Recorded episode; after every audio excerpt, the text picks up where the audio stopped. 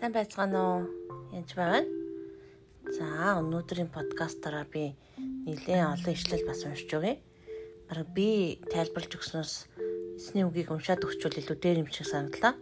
1-р Тесалоникийн 5-ын 11-ээс 28.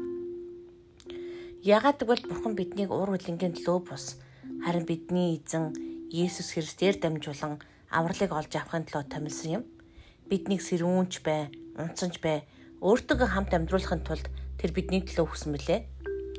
Тиймээс та нар одоо ч үлдэж байгаа шигэ нэг нэгнийгээ тайтгаруулж нэг нэгнийгээ барьж байгуулах тун. Тэгэхээр бид бие бинийгээ тайтгаруулж бас бие бинийгээ босгон байгуулдаг байх нэ. Ах トゥ нараа дунд ч нь ажилдаг ба эзнес төр та нарыг өвдөрдөж заавар өгдөг хүмүүсийг хүндлэхийг би та нараас хүсэж байна. Мөн тэдний ажил хөдөлмөрийн төлөө та нар хайр дотор тэднийг үлэмж өндрөөр үнэлэхийг хүсэж байна. Нэг нэгнтэйгээ ив нартай амьдр. Ах トゥ нараа эмх журамгүй хүмүүс сануулж, улчрал хүмүүсийг зоригжуулж, дорой буруу хүмүүс тусалж, бүх хүнд төвчээртэйгэр хандахыг би та нараас гуйж байна. Тэгэхээр энд эмх эмх журамгүй хүмүүс сануулна гэсэн үг.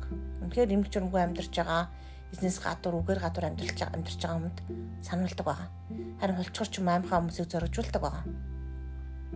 А хулчгаар хүмүүсийг загнаад ч юм уу сануулад байх юм бол цутаагаа дайгаад явчих магадгүй. Дорой бороо хүмүүсийг туслана гэсэн үг. Дорой бороо хүмүүсийг шууд загнаад л дээр нь дэвслээд байх юм бол дээрлэхүү болж хурна. Бүх хүн төвчээртэйгэр хандна. Тэгэхээр бид нар бас edify буюу хүмүүсийг босгон байгуулж байгаа зааж байгаа гэж хэлээд л шүмжлээд иж болохгүй. Төвчих ёстой би та нараас гуйж байна. Хинч хинэгнийхээ хор хорон муугаар хариулахгүй байхад анхаарахтун харин үргэлж нэг нэгэндээ болон бүх хүний төлөө сайн зол руу тэмүүлдэг байхтун үргэлж баяртай бай. Бүх зүйл талхлаа илэрхийл. Учир нь энэ бол та нарын төлөө Христ Есүс доторх Бурхны хүсэл мөн. Иш үзүүлгийг бүү басамжил. Харин бүхнийг шалгах сайн барихтун бузар муугийн альва хэлбэрийг зэрлэхтун амар тавны бурхан өөрөө та нарыг бүрэн ариусгад ариусгаг. Сүн сэтгэл би тань бидний эзэн Иесус Христийг ирэхэд бүрэн хамгаалагдсан бөгөөд гэмзгүү байх болтугай. Бидний эзэн Иесус Христийн нэг үсэл та нарт хамт байх болтугай.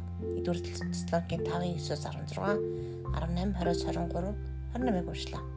За цааш нь уншъя. Эфес 4:12. Тэр зармыг нь илч, зармыг нь иш үзүүлэх, зармыг нь сайн мэдээг тунгалаж, зармыг нь хончин ба багш болгочээ. Эдгээр нарийн хүмүүсийн үйлчлэгийг ажилтгах гэж эрдэмийг босгон байгуулахын тулд биеийг байгуулахын тулд юм. Тэгэхээр энд байгаа албан тушаалууд ч гэсэн гол зорилго нь бид Христийн биеийг байгуулах, бүр босгон байгуулах, бис тэднэрт үйлчлэхийн тулд байгаагыг мартаж болохгүй. Тэгэхээр бэлэг аваас томрогдсон албан тушаалаа дарга зэрэг гэж бити бодороо бид үйлчлэгж биеийг босгон байгуулахын төлөө байгаа шүү. 1-р Коринт 8:1 ийм бэгээс унши мэдлэг ихэрхдэг бол харин хайр сурамжлалдаг. Тэгэхээр мэдлэгтэй хүн толгоондоо мэдлэгтэй хүний тухай ярьж байгаа ихэрхдэг харин хайр сурамжилж тэрийг босгон байгуулдаг байна. За 2 дугаар Коринтын 13-ын 10. Тиймээс тийм учраас та нар дэрэгд байхдаа нураахын тулд бас байгуулахын тулд эзний надад өгсөн эрх мэдлийн дагуу ширүүн дөрнөр хандахгүй гэсэндээ энэ бүхний би хол байхтай бичиж байна. Тэгэхээр үнэхээр ширүүн дөрөөр хандахгүй тулд зөөлөн тайван сайхан бичдэг байх нь тэрнээс гадна нураах гэж байгаа биш босгон байгуулах гэж байгаа. Их хүн хүмүүс босгон байгуулах гэж байгаа гэдээ нугаж орхидог шүү. Болгоомжтой байгаараа. Бид хүн бүр хуршийнхаа сайн сайхны төлөө түүнийг босгон байгуулахын тулд сэтгэлд нь нийцүүлье. Ром 15-ын 2. Ром 14-18-аас 19. Учир нь Бурхны хаанчл бол идэг уух болон уух явдал биш, харин ариун сүнс доторх зөвхт байдал, амар тайван хийгээд баяр баясгалан юм. Учир нь Христэд инхүү үйлчлдэг хүн бурханд таалагдаж хүмүүсээр цаашаагдана. Тэмд амар тайван тогтоодог болон бие биеэ босгон байгуулдаг зүйлсийн хойноос мөшгөцгөё. Яков 2-ын 8-14. Хэрв та нар та нар хаан хууль болох чи хөршөө өөрийн адил хайрлах гэснийг судрын дагуу биелүүлж байвал та нар сайныг үлдэж байна. Харин та нар хүнийг алаг үзвэл та нар нүгэл үлдэж хэрэгтэн мөн мөн хуулиар яллагдах болно. Учир нь бүх хуулийг сахивч нэгэн дээр нь бүдрэх юм боловч бүх хуулийг зөрчсөн болно. Учир нь өршөөлгүй хүнд өршөөлгүй шүүлт байх болно. Харин өршөөл шүүлтийг ялдааг ах トゥ ус минь хэрвээ хүн надад итгэл бий гэж гэх атлаа үйлсгүй бол ямар ашигтай юм бэ? Тийм итгэл түүнийг авч чадна гэж юу? Тэгэхээр юу гэж хэлэх гэж байгаа юм бэ гэхээр эндээс бид төвчөртэй байх ёстой л гэсэн үг. Хүмүүсийг босгон байгуулж байгаа ингээд нурааж болохгүй. а ялангуяа зааж байгаа хүнд маш их төвчээр хэрэгтэй. Тухайн хүмүүс маань өсөөгүй ч юм уу шарахтаа байж бас болно.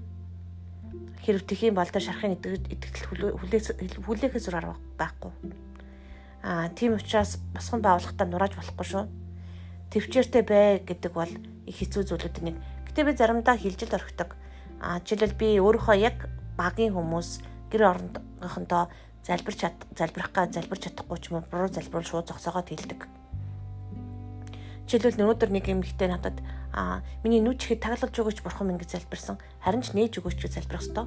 Харин чөтгөрийн нүд чихийг таглаж өгөөч гэж залбирч болно. Аа тэгэхээр би тэр үед нөхөө болоороо гэж зогсоосон байгаа. Аа зарим хүмүүс бас буруу залбираад залбирахтаа бүр Монгол улсын хэлийг хааж өгөөч гэсэн залбирал хүртэл байсан.